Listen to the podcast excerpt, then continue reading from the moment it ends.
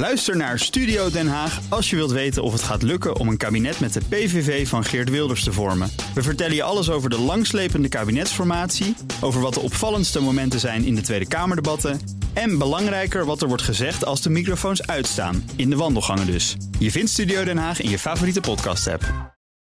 Het is uh, tijd voor het ondernemerspanel. En dat bestaat deze week uit Remy Ludo Gieling, hoofdredacteur van Sprout en managementteam. Mark Berensen, directeur en partner bij Start. En mijn zakenpartner is Elske Doets van Jan Doets Amerika Tours. We beginnen, uh, welkom overigens, Hallo. met Air France KLM. Want er komt een werkplan om van Air France KLM de beste maatschappij ter wereld te maken. Dat hebben minister Hoekstra en zijn Franse collega afgesproken. De twee hadden overleg in Parijs. Aanleiding voor dat gesprek was het pakket aandelen Air France KLM... dat de Nederlandse staat deze week heeft gekocht. De Fransen waren daar woedend over omdat het stiekem zou zijn gebeurd. Vanmorgen ging Hoekstra naar Parijs om de kou uit de lucht te halen. Meneer Hoekstra, was de onmin over de aandeleninkoop van Nederland uh, geen valse start van dit avontuur? En is de situatie wel werkbaar? Wat mij betreft absoluut. Uh, ik ben hier natuurlijk naartoe gekomen om ons grote commitment te laten zien uh, aan de onderneming. En ons grote commitment aan onze uh, Franse partners, bondgenoten en vrienden. je zou kunnen zeggen, een beter commitment dan aandelen kopen in deze holding is er eigenlijk niet. Want het laat ook zien dat we de discussie over het misschien nog eens uit de holding halen van KLM, dat die wat mij betreft voorgoed voorbij is. Maar bent u toch een beetje door de knieën gegaan door te zeggen, nou dit was onorthodox en was dat eigenlijk ook wat Bruno Le Maire wel wilde horen? Nee, vanzelfsprekend was dit onorthodox. En vanzelfsprekend zijn wij ook uh, in het doordenken uh, van deze stap... zijn we ervan uitgegaan dat daar wel toelichting op nodig uh, zou zijn. Dat, dat, dat spreekt voor zich. En dat is ook logisch tussen vrienden en partners en bondgenoten. Zeker als je samen verder wil. Dus dat heb ik hier willen doen. en ik vind het ook goed dat we nu weer samen verder kunnen. En wat vond u van de dreigementen van de afgelopen week? Want er is zelfs gezegd, we gaan voor de herbenoeming van Elbers liggen. Nou, een van de dingen die we juist ook vanochtend uh, met elkaar hebben afgesproken, is dat het pakket wat de onderneming vorige week heeft afgesproken, dat we dat onaangeroerd laten. En daar zitten meerdere elementen in. Daar zit de herbenoeming van Pieter Elbers in, maar er zit ook in de plaats die Ben Smit krijgt in de Raad van Commissaris van KLM. Dat laten we onaangeroerd, want we vinden het van groot belang dat de rust terugkeert in de onderneming. En de onderneming datgene kan gaan doen waar die voor op aarde is. En dat is het vervoeren van mensen uh, en goederen in een, in een lastig speelveld. Dus er moet ook bij de onderneming gewoon nog een heleboel gebeuren. En heeft u vanochtend ook toezeggingen gekregen over de positie van Schiphol? Nou, wij hebben juist met elkaar afgesproken dat we de komende maanden gaan benutten om um, die, die dubbele doelstelling vorm te geven. Dus zorgen dat we de, de voorwaarden scheppen om de onderneming te laten floreren. Maar aan de andere kant ook recht doen aan de grote belangen van Frankrijk en van Nederland. Minister Wopke Hoekstra tegen correspondent Eveline Belsma. Mark Berendsen is hier nog altijd. En jij wilde sowieso dit panel aftrappen met uh, jouw nieuws over Air France KLM. Ja, of zie je er nu vanaf omdat nee, nee, alle vragen niet. hebben beantwoord? In, integendeel zou ik zeggen. Nee, nee, het was gewoon het, het nieuws voor mij van de week. Dus uh, vandaar dat ik het ook wilde noemen. En er is al heel veel over gezegd, maar, maar ja, gewoon een duit in het zakje. Maar meer vanuit het gevoel wat ik erbij kreeg. Ik kreeg er namelijk een heel goed gevoel over. En ik ging later bij mezelf na van wat, wat is dat dan? Is dat dan chauvinisme? En ik merkte eigenlijk dat dat het niet is, maar veel meer het gevoel van... Um, we zijn altijd het braafste jongetje van de klas. En daar hoor je iedereen altijd over. Nederland, het braafste jongetje van de klas. En dit keer hebben we gezegd van we laten ons niet piepelen. En inderdaad een vrij onorthodoxe uh, maatregel genomen. Tegenover een vriend, een bondgenoot, een, een vriend. Maar blijkbaar in alle gesprekken sinds de fusie... in het goede gesprek en de goede verstandhouding kregen we toch niet helemaal, denk ik, waar we van hoopten dat we zouden krijgen. En dan moet je gewoon uit een ander vaatje tappen. En Wopke, Hoek, Wopke Hoekstra heb ik best wel hoog zitten in dat uh, opzicht. Die, dat is een rationele man. Uh, die, uh, denk ik, met het idee misschien wel zelf gekomen is. Maar goed, het feit dat de Fransen zo het heet waren... naar aanleiding van dit, deze move, zegt dat we 100% gelijk hadden om dit te doen. Ja, ik ben het er helemaal mee eens. Het was een prachtig staaltje economische Game of Thrones op het allerhoogste niveau. Uh, eindelijk eens een keer een, echt een, een, een, een, een mooi statement van de Nederlandse overheid. Om, uh, om het Nederlandse bedrijfsleven even een, een duwtje in de rug te geven. Het, ene, het enige jammer vond ik. Realpolitiek, hè? Het enige vond ik jammer. Had dan even één aandeeltje meer gekocht dan die Fransen. Dat was nou, even, dat was nou een, een, een, ja. een leuke zet geweest. Ja, en ik las een heel, naar mijn smaak, heel slap commentaar in, in NRC. Dat zei van ja, maar dat past echt helemaal niet bij hoe wij als Nederland kijken naar, laten we zeggen, staatssteun en, en bemoeienis met het bedrijfsleven. Dat klopt ook. Dat doen wij denk ik veel nuchterder en beter dan de Fransen. De Fransen doen dat dus heel anders. Dit is gewoon een staatsbedrijf. En, en we hadden in, in ook het licht van de visie van Macron op de wereld... hen moeten bewegen om hun pakket af te bouwen. Nou, dat is misschien al jaren aan de gang. En dat gebeurt dus niet. Dus nu hebben we leverage. En nu zou ik zeggen, nou, laten we nou gezamenlijk dat pakket misschien wel afbouwen. Oh, je want- bent erin gestapt om het af te bouwen. Maar ik ben, ik, ben, ik ben ook wel benieuwd zeg maar, wat onze reisondernemer hier eh, aan tafel ervan vindt. Nee, maar vanuit dat oogpunt is Hallo. het natuurlijk Ik heb- eh, heel Ik heb daar straks al wat dingen over gezegd. Ja, ik, ik kijk er eh, anders tegenaan. Ja? Ehm, en ik kijk ook eventjes naar ja, de hele wereld. Want meneer Hoekstra gaat nu roepen van wij gaan er de beste airline groep van maken. Dan denk ik, ja, eh, kijk eens even naar het wereldspeelveld. Er staan een heleboel carriers daarboven, groepen, die vele malen groter zijn. Dus ehm, Ja, en wat is de ik vind beste het een natuurlijk? laatste... Hè? Dat is ook zo'n eh, zo'n vaag, vaag begrip. Wanneer ben, je? wanneer ben je de beste? Ja, en ehm, kijk, eh, ik heb vorige week een artikel gelezen in de NRC van twee oud-managers van de KLM. En die zeiden ook, ja, het is natuurlijk leuk dat KLM zo goed presteert. Maar het komt alleen maar omdat de brandstofprijzen zo laag zijn de afgelopen jaren. Dus het lijkt allemaal fantastisch. Maar dan had Air France Ja, daar ook van kunnen ook, profiteren. Ja, alleen daar is een andere structuur. Ehm, maar het is allemaal niet zo fantastisch als het is. En op het moment dat dat gaat kenteren. Ja. eh, en de, de, de, de, zeg maar de overhead in Amstelveen is heel heftig. En de, de kosten van de piloten en de bemanningen zijn vele, vele malen te hoog. Dus daar moet nog een heleboel gebeuren. En wat ik ook altijd begrijp is dat al die. eh, je, je hebt een aantal van die, van die grote luchtvaartmaatschappijen uit het Midden-Oosten. die ook flink worden gespekt door de overheden daar. Over staatssteun. Klopt. Nou ja, goed, dat is dus nu in Nederland eh, dus ook. eh, eh, zijn wij ons protectionistisch aan het opstellen. Op, eh, stellen. Nou, en Ja. de vraag is wanneer je iets vitaal belang noemt... of wanneer Ja. iets Ja. economisch van zulke waarde is... dat je zegt, daar hebben we 750 miljoen euro belastinggeld voor over. Ja, nee, maar in in zijn algemene zin ben ik niet voor eh, dit soort eh, maatregelen. Maar het gaf je wel een goed gevoel. Maar, maar, ja, nee, nee, maar, nee, nee, maar letterlijk in, in relatie tot de Fransen... die dit pakket ook hebben. Ik bedoel, hoe, hoe kunnen ze dat nou raar vinden dat wij dat pakket kopen? Maar je moet wel inzien dat KLM in 2003 is gekocht door de Air France. Mhm. Dat is 16 jaar geleden. Dus het krachtenveld, waar de hele tijd in de media over wordt gesproken... en ook heel veel KLM-mensen zich continu in verslikken... dat ze spreken over samenwerking, dat is helemaal niet meer zo. Het is helemaal geen Nederlands bedrijf meer. Terecht dat alleen maar die Franse vlag werd gehezen vanochtend... en dat hij er nog even uit beleefdheid bij kwam... omdat meneer Hoekstra Frans sprak. De Nou, Nederlandse fijn. vlag. Maar uiteindelijk Nederland. gaat het natuurlijk niet om, om KLM. Het, het- gaat gewoon om de positie van Schiphol die ze, die ze willen Precies, beschermen. dat zit erachter. Dat is de enige Ja. reden. Ja, nou, dat is toch een prima Dat is reden. prima reden. Remy, wat is jouw nieuws? Ik vond het wel een hele grappige, Thomas. Ehm, ik dacht namelijk dat we bij Sprout heel goed bezig waren. Dat we alleen maar werden gelezen door eh, hippe ondernemers met eh, supersnel groeiende bedrijven. Maar we doen iets fout. Want we worden blijkbaar ook op de voet gevolgd door eh, de 50PLUS-partij. Ik kreeg gisteravond laat een mailtje van de advocaat van partijleider Henk Krol. Die waren blijkbaar verbolgen om een eh, heel klein minuscuul berichtje wat we hadden geschreven. Henk Krol is blijkbaar op bezoek geweest bij een eh, start-up ondernemer op Urk. Eh, die zit in de, in, de, in de zonnepanelen. En daarin hadden we en passant gemeld dat we nou niet de grootste fan waren van Henk Krol. Waarom zou je dat doen als journalistiek bedrijf... om dat dan eventjes op persoonlijke titel nog even te melden? Ja, dat vinden we wel leuk. Moet, je moet ook een beetje kunnen, kunnen aanschoppen tegen, tegen gevestigde huisjes. En Henk de heer Krol heeft natuurlijk in het verleden wel eens. eh, eh, eh, gaat, nog, gaat, nogal vrij om met, met de interpretatie van cijfers onder meer het CBS. Maar ze vroegen daar, daar toch wel om opheldering. En vervolgens werd, ik- werd ik gemaild door partijleider Geert Dales. Of ik samen met de betreffende redacteur een keer op visite wil komen op, op het hoofdkwartier. Om tekst en uitleg te kort op, op de koffie. En waarschijnlijk kaakjes eten bij de 50PLUS-partij. Maar hier staat toch een eh, gelukkige hoofdredacteur... die eh, te- bijna zonder dat hij het wist... eh, in een klein relletje terechtgekomen is. Prachtig. Hartstikke leuk. Zie je wel? Zo gaat het. Elske, wat is jouw nieuws? Nou, ik hou niet zo van relletjes. Ik hou het netjes. Eh, vandaag eh, is mijn bedrijf Jan Doets, zo heet het op dit moment nog, eh, 38 jaar. Nou, fantastisch. Gefeliciteerd. Eh, nog steeds onafhankelijk. Ik ben zelf 18 jaar eigenaar, dus dat is ook. eh, Maar een hoor ik hier een scoop komen? Gaat, Eh, gaat er een naamswijziging aankomen? Precies. Dus vandaar dat ik allemaal muffins mee heb. Ik weet niet meer waar ze zijn. Ze zijn we hopelijk op, allemaal Thomas. opgegeten. Want daar staat onze nieuwe logo op. En dat wordt toetsreizen. Aha. Ah, Kijk uit met Waarom heb, je, naamswijziging. waarom heb je dat gedaan? Waarom heb je dat gedaan?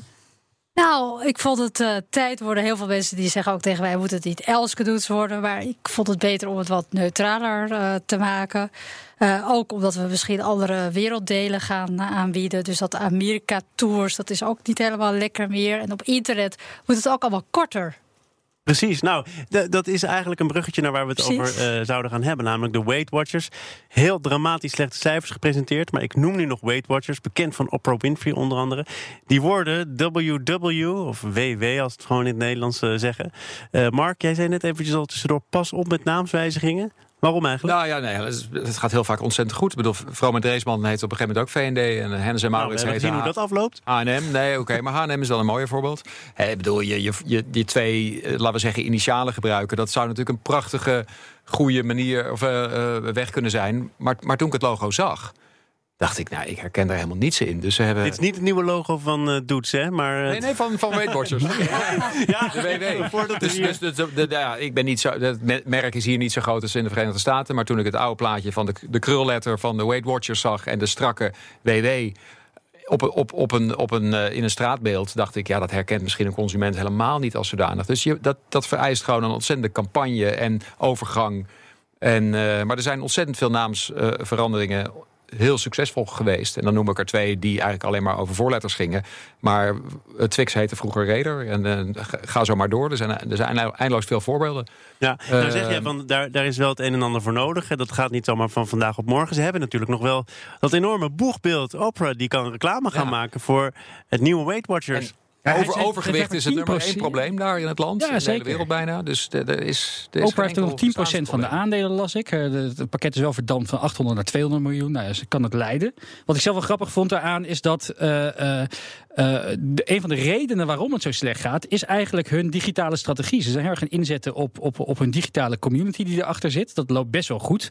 volgens mij betalen mensen 20 dollar of euro per maand om dan toegang te hebben tot een digitale coaching. Maar uh, dat is veel minder dan ze in het verleden uitgaven als ze naar die fysieke meetings kwamen. En nog veel belangrijker, op die fysieke meetings werden ze continu allemaal Weight Watchers producten aangesmeerd. Ja. Upsell. En dat, dat, dat, dat, verliezen ze nu allemaal. Dus eigenlijk hun, hun, hun, uh, wat ze heel goed doen digitaal, uh, ja. neemt wel een flinke hap uit hun, uit hun revenue model. model. Waarmee je kosten ook weer verlagen. Dus ik, ja, ik snap het ze moeten een beetje overhead weg, nee, nee, weghalen. Nogmaals, de vraag valt niet uit. Die is meer relevant dan ooit. Ik heb een site bezocht, een Nederlandse website. En daar hoor ik voortdurend, kwam ik het woord wellness tegen. Ik dacht, misschien proberen ze die W op verschillende manieren in te zetten. Is dat het? Zou kunnen. Ja. Dan wordt het dubbel, drie keer W. Weight je, wellness. Ja, ja, Weight wellness. Dat, dat, is mijn gevoel erbij. Bij WW, dat denk ik aan een, bijna aan een URL. Ja, www. Ja. De W van Willy. Dus, dus ja. ik kan, er niet zoveel mee. Uh, uh, jij bent een Amerika-specialist. Je weet dus ja. ook hoe uh, mythisch de status van Opera is of was. Kan zij nog veel voor dat bedrijf gaan betekenen of is dat over de heel? Ja, ik, ik heb ooit haar geboortehuis gezien in Mississippi. Dus uh, op dat punt heb ik dan wel emotie erbij. Uh, ja, ik vraag het wel af. Als ik het gewoon eventjes abstract benader, is zij voor mij nou niet het toonbeeld van wellness, om het netjes te houden, qua slankheid, zeg maar. Ik weet de laatste stand van zaken niet. Dat verandert toch nog wel eens? Jojo.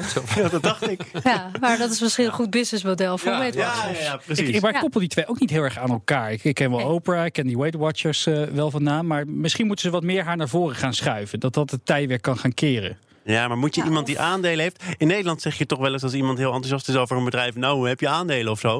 Waardoor zoiets niet meer heel erg betrouwbaar overkomt. Dat is waar, dat is waar. Maar misschien dat het in, in deze influencer-tijd... waarin iedereen alles schaamteloos aan het promoten is... misschien ook alweer gewoon heel erg dan is. Ik wil uh, met jullie gaan praten over deelsteps. Investeerders hebben al vele miljoenen gestoken in bedrijven... die die steps lukraak in steden droppen.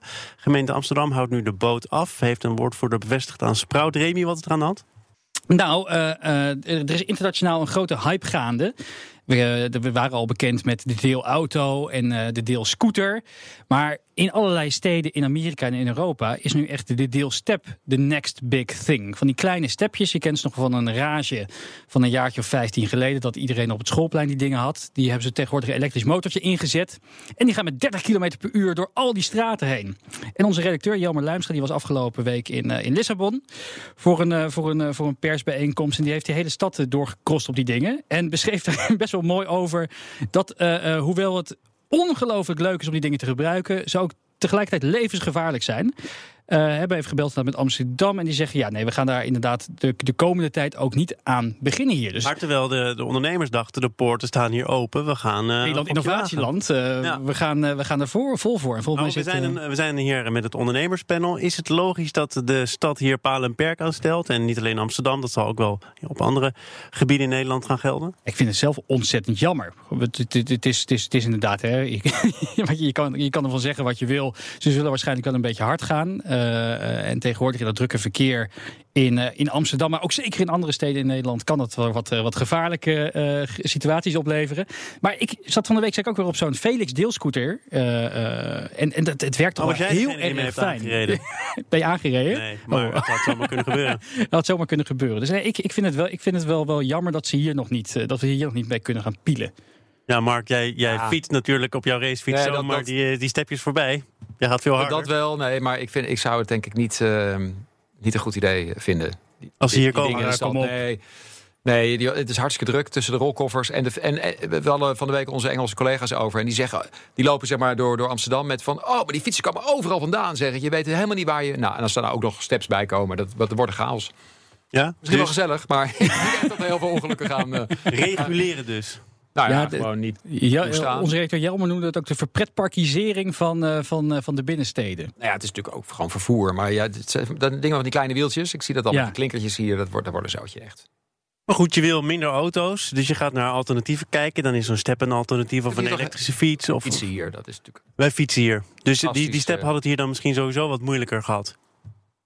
Ja, ja, dat denk ik wel. Ik denk dat de fiets toch. Onder, ja, ik kun je niet overheen uh, toepen.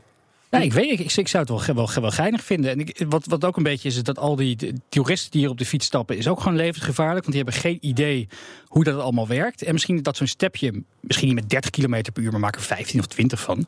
Dat, dat, dat je dat toch wel op een redelijk iets veiligere manier uh, iets sneller van, van A naar B komt. Ik denk dat het de voetgangers gaat. Uh, dus dat je, je hebt de fietsen en, ja? en de voetgangers gaan dan, gaan dan op de step.